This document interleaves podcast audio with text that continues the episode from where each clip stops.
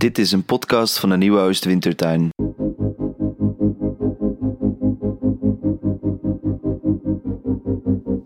Eind november publiceert Wintertuin weer twee bijzondere chapbooks van talentvolle schrijvers. Slaap lekker Hiroshi Yoshimura van Jordi Lammers en Paviljoen van het tijdelijke geluk van Laurens van der Linden. Jordi en Laurens presenteren hun chapbooks op zaterdagavond 27 november op het Wintertuin Festival. In deze podcast interviewen ze elkaar om de beurt. In deze aflevering interviewt Jordi Laurens over zijn chapbook. Ik zit hier tegenover Laurens van der Linden.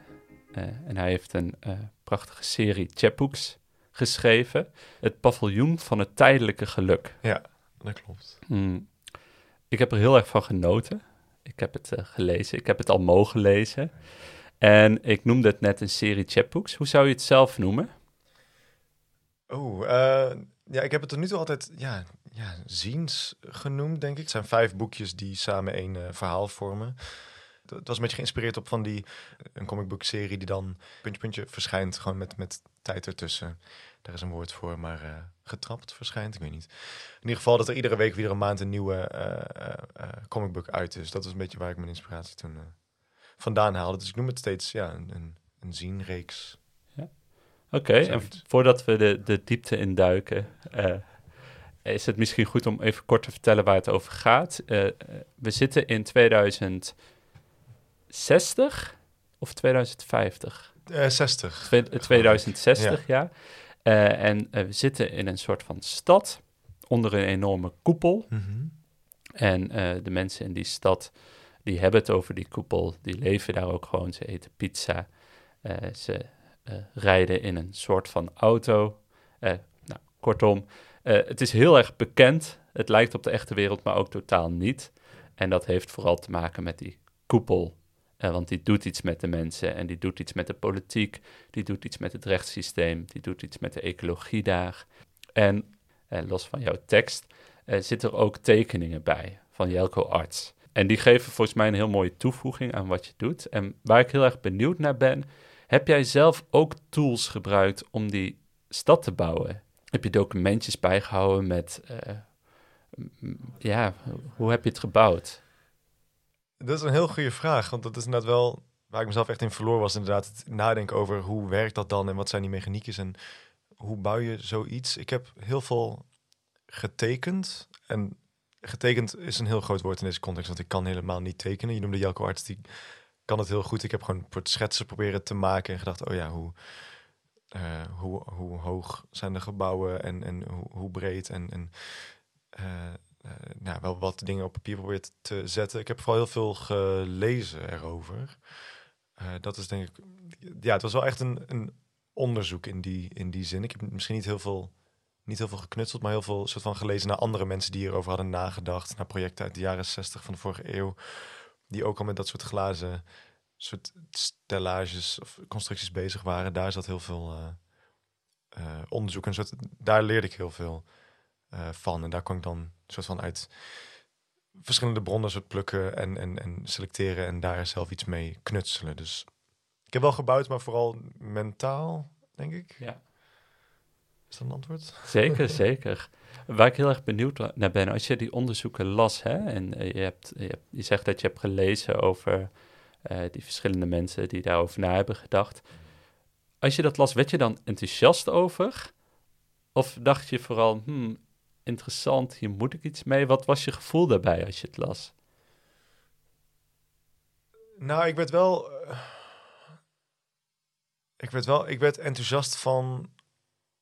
Um, misschien niet eens per se van het project zelf, maar meer het enthousiasme dat spreekt vanuit mensen die dat soort dan. die dat gaan bedenken, die dat op papier gaan zetten. Of die een soort idee hebben van hoe de toekomst eruit zou kunnen zien. En daar dan ook compleet in verzanden. Want ja, er waren dan in de jaren 50 of 60 in Amerika uh, door Buckminster Fuller, heet hij geloof ik, waren er dan um, ook ideeën voor dit soort koepelsteden er in heel Amerika om, om die te bouwen.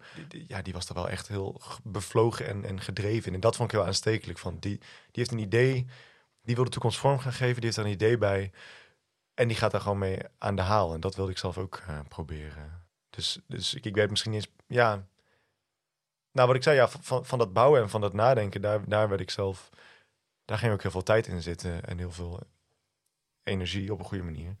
Ja, ik zie dat ook heel erg terug. Het is eh, op een heel subtiele manier is het heel gedetailleerd. Je leert echt iets over die stad te weten komen, zonder dat je leest, uh, nou ja, zo zien de gebouwen eruit. Je bent niet hele verhandelingen aan het schrijven uh, over de stad. en je verweeft het heel erg in de verhalen, in de personages. Dat vind ik heel erg mooi gedaan. Um, gelukkig. Waar ik ook benieuwd naar ben, uh, wat ze vaak bij uh, debutanten zeggen. Dit is het eerste wat je uitbrengt, denk ik, in, um, ja, zeker in boekvorm. Ja, ja, ja, zeker. Ja. Um, dat je heel dicht bij jezelf moet blijven. Dat zeggen ze altijd. Ik ben het daar niet mee eens. En jouw uh, ziens bewijzen ook dat dat niet per se hoeft te zijn. maar dat zeg ik nu wel. Maar ben jij, in hoeverre verhoud jij je tot die uitspraak? Ben jij dicht bij jezelf gebleven? Of ik heb namelijk de indruk dat je juist heel veel naar buiten kijkt. Hmm. Oeh, dat is ja. Uh, ben ik dicht bij mezelf gebleven? Ik, nou, ik, uh, ik denk dat er wel een soort een kantelpunt was of een moment waarop het soort van overhelde. Ik zat, ik, uh, ik heb een tijd lang, maar dat spreek ik ook al over jaren geleden, was verhalen geprobeerd te schrijven of geschreven. Uiteindelijk tot voltooiing gekregen, waarin een soort een gefictionaliseerde versie van mezelf uh, speelde. Maar op een gegeven moment, ja, ik raakte er al vrij snel op, uh, op uitgekeken. Um, in ieder geval op, op wat, ik daarmee uh, deed. En toen was ik toen toen ontstond eigenlijk dat, dat, dat idee om, om zo'n wereld te gaan maken. En, en op een gegeven moment dacht ik, ja, nu, ik, dit werkt alleen. En ik hoop dat het werkt, maar dit werkt voor mij alleen als ik me dan ook compleet daaraan uh, overgeef. Dat ik ook compleet alles wat raar en soort geeky of, of uh, extravagant of grotesk en, en, en soort van, ik moet, ja, ik moet daar gewoon compleet aan, aan overgeven. En ik, ja, ik, ik wil ook iets nou ja, ook een soort ja, toekomst maken en zelf vormgeven. Dus ik moet dan ook, daar, daar moet ik me de, de, compleet aan uh, uh, ja, overleveren eigenlijk. Dus er zit heel veel plezier, denk ik, in. In ieder geval heel veel van mijn... Ik heb heel veel fascinatie of zo van mezelf ingestopt, wat ik zelf graag zou willen lezen. Ja, en dat, dat, dat bouwplezier zie je heel erg ook terug in, in hoe die wereld is vormgegeven.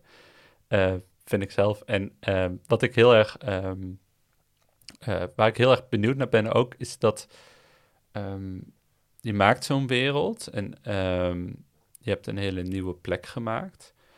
Waar liep je tegenaan? Uh, ik vind het namelijk, als ik verhalen schrijf, heel moeilijk om me helemaal trouw te blijven aan die plek, want je wil soms dingen die niet bij die plek horen. Had jij dat af en toe ook? Ja, ik heb wel ja, avonden van frustratie gehad. En nou, over die, die pogingen tot tekeningen waar, ik, eh, waar we het al eerder over hadden. Dat ik denk, ja, maar ik krijg het gewoon niet bij elkaar. Of ik, dit, deze, deze schetsen kloppen niet. Of waar, waar komt dan eh, de, de, zuurstof, ik veel. Hoe, hoe grijpt dit, dit in elkaar? Het was, nou wat misschien nog wel meer was, was dat ik het gevoel ik moet alles tot in de puntjes uitdenken. Alles moet bedacht en gecontroleerd en geregeld zijn. En daar merkte ik dat ik mezelf wel af en toe een beetje in kwijtraakt. Ja. Dat ik dacht, oké, nu, nu moet het stoppen. Nu, dit is niet meer per se relevant, of dit is niet nodig, of dit is niet belangrijk genoeg, of dit uh, is te ingewikkeld. Ik, ja, daar raasde ik mezelf af en toe nogal voorbij. Ja, en dat, dat, je moest dat eigenlijk loslaten, deels. Ja, ik vond het wel moeilijk. Touwtjes uit handen geven, deels, denk ik. Ja, toch ook een beetje zeg van dit, dit, dit. Um, ik heb er niet zo 1, 2, 3 een voorbeeld van. Maar nou toch gewoon van, het, het, het stopt hier. Hè. Dit ja. is tot hoever ik het uitdenk. En de rest is ook misschien, hoe dat, impliciet of, of aan de verbeelding overlaten. Maar, dat vind ik wel fascinerend dat je dat zegt. Want dat is deels ook, denk ik, mm, het probleem, als ik het zo mag noemen, met die koepel. Alles is heel erg uitgedacht. Uh, en alles is tot op de puntjes wel, zit in evenwicht met elkaar. Mm -hmm. um, maar uh, ergens zit ook wel een eh, tenminste als ik over die koepel lees, ik krijg ergens ook een beknellend gevoel. Ja. Op een gegeven moment wordt er ook een gat uh, in die koepel, dacht ik. Ik weet niet of ik dat mag zeggen. Ja, ja zeker. Dat, in, in het Eh, is redelijk in het begin, Ja. ja. Ehm, en dat, dat voelt ook wel als een bevrijding, dat er iets van die controle wordt losgelaten daar. Was dat voor jou nodig dat er zoiets zou gebeuren daar? Dat er ook een glimp van die andere wereld daarbuiten in terug zou komen? Nou, het, ik denk dat het het wel nodig had, in ieder geval voor mij, om... Ja, inderdaad, om, om toch de, de, de, zo'n wereld dan te, te onderzoeken. Want het, inderdaad, het is dus een... Het, ja, het hele leven van de mensen die dus daar eh, in die koepel leven... Ja, dat bevindt zich eigenlijk onder, onder glas. En ik eh, stelde me het een beetje voor... Het is dan ook een noodgreep... eh naar aanleiding van eigenlijk de, de, de, de toenemende klimaatproblematiek. Volgens mij mag ik dat wel zeggen. Over mijn eigen eh, boek, denk ik. Eh, Zeker.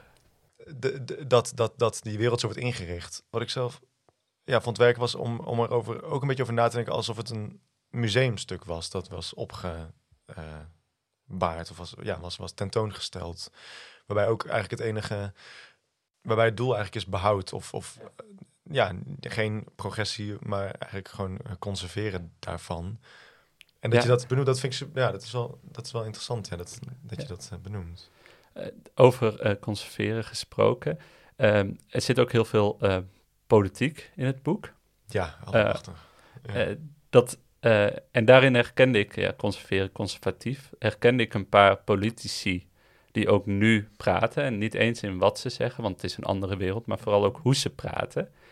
En in, jouw, eh, in je ziens geef je ook best veel ruimte aan monologen van bepaalde eh, machthebbers. Eh, ik, ik vond dat heel aanstekelijk en heel erg kenbaar. Er zat ook echt die, die, die retoriek van een Trump of een Baudet af en toe in. ja, ja. Waarom vond je dat belangrijk om dat zo te laten zien hoe ze praten? Is dat überhaupt een bewuste keuze geweest? Ja, ik zocht wel, ik zocht sowieso wel een heel erg. Nou, zeker omdat het. Ik heb best veel verhaal in, een redelijk, voor mijn gevoel, kleine ehm, eh, ruimte proberen te, te proppen. Dus om, ik heb ze ook wel, denk ik, allemaal een eigen taal of, of stijl eh, aangemeten om, om ze ook als personage neer te kunnen zetten zonder dat er ook heel veel verder achtergrond voor nodig was om ze op een bepaalde manier toch een beetje te kenmerken. Eh, dus dat, dat vond ik heel erg aan, aan werken. Dat, dat, dat, dat je toch een be- ja, bepaalde soort van idiolect of bepaalde woordkeuzes of inderdaad eh, kunt meegeven en ze dan kunt typeren. Maar ik zou wel zeggen, het was niet mijn bedoeling om ze ermee te laten samenvallen. Om het zo maar te zeggen. Inderdaad, ik denk dat dat eh, verschillende personages aan verschillende levende personages of, of bestaande mensen doen denken. Maar ehm, Het is niet één op één overgenomen. nee, nee, niet, niet, niet voor Nee. mij in ieder geval. Ik eh, vind het trouwens eh, grappig. Ik had jou eerder hierover gesproken en toen zei je van het is geen dystopie. Ja. Ehm, nou, zo las ik het ook niet. Eh, het is daar, het, het heeft geen vingertje, vind ik heel erg, je ziens. Geen van pas op allemaal, want dadelijk zitten we in een koepel. Dat zit er niet in. Ehm, was dat moeilijk om dat niet te doen? Want ik kan me heel erg goed voorstellen, natuurlijk, jij vindt daar iets van, van zo'n koepel. Ik vind daar iets van, we hebben daar allemaal ideeën over. Maar vond je het moeilijk om die lezer niet één kant op te sturen? Ja, dat, nou, dat is dat. Lange tijd gebeurde dat wel. Ja, op een gegeven moment merkte ik ook niet, ben ik wel heel veel van mezelf hierin aan het, aan het stoppen. Of, of zelf mening erin aan het stoppen. Terwijl ik eigenlijk veel interessanter vond. Kijk, voor, mijn gevoel gaat het heel erg over veiligheid aan de ene kant. Of, of bestaan aan de ene kant. En vrijheid aan de andere kant. Als je het hebt over een afgesloten glazen koepel. En een gat dat erin wordt gebroken. Die spanning vond ik heel eh, interessant. En het is op een gekke manier ook heel actueel geworden met alle discussies over vrijheid nu. eh, als in, in, in tijden van, eh, van corona. Ehm, ja, dat vond ik dan aan de ene kant, dacht ik, oh, nou, het is nu relevant. Maar kant dacht ik, ah, shit, ik heb het eigenlijk al best wel lang geleden bedacht. En nu wordt het toch een beetje door gekleurd, maar dat hebben we misschien toch. Maar wat ik, eh, het leek me eigenlijk interessant om gewoon daar de verschillen in te laten zien. Of, of dat, dat, dat je allemaal, denk ik, op ergens op een plek op die schaal van vrijheid aan de ene kant en veiligheid of, of be- bestendiging of, of conservering aan de andere kant, dat er misschien niet een juiste of een onjuiste keuze is in dit scenario, in dit toekomstscenario, maar dat je ergens daarop valt en daar altijd niet naar kunt handelen. Of, ja. En toen ik daarachter was, dat ik, oh, nu, nu, dit heeft ook inderdaad tegenkleur nodig. Dit heeft ook, ja, toch een bepaalde soort politieke settingen nodig. Oké, eh, ik vind dat ook wel een mooie, mooie afsluiter. Ehm, we hadden het nog heel lang over, over corona kunnen hebben, maar zoals je zelf zegt, het is dus geen corona zien. Ik zat hier dus met Laurens van der Linden. Ehm, hij schreef Ja. de ziens Paviljoen van het Tijdelijk Geluk. Het zijn vijf boekjes geworden. Je Ja. kunt je abonneren, dacht ik. Klopt. Eh, dan krijg je ze over eh, eh, bepaalde perioden krijg je er eentje op de bus. Ja, iedere maand krijg je dan een nieuwe. Iedere maand zelfs. Ah, fantastisch. En dan lees je ze dus ook in sprongen. En ik denk dat dat heel erg interessant en leuk is. Dus dankjewel voor dit gesprek, Laurens. Jij bedankt, Joris.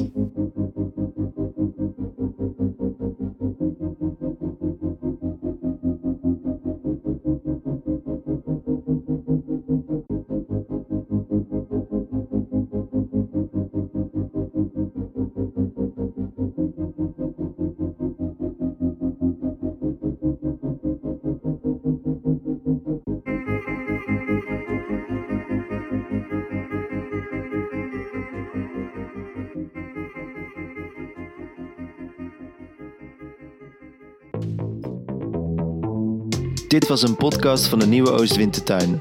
Volg ons via jouw favoriete podcast-app voor meer podcasts over verhalen, literatuur en schrijven. Tot de volgende keer.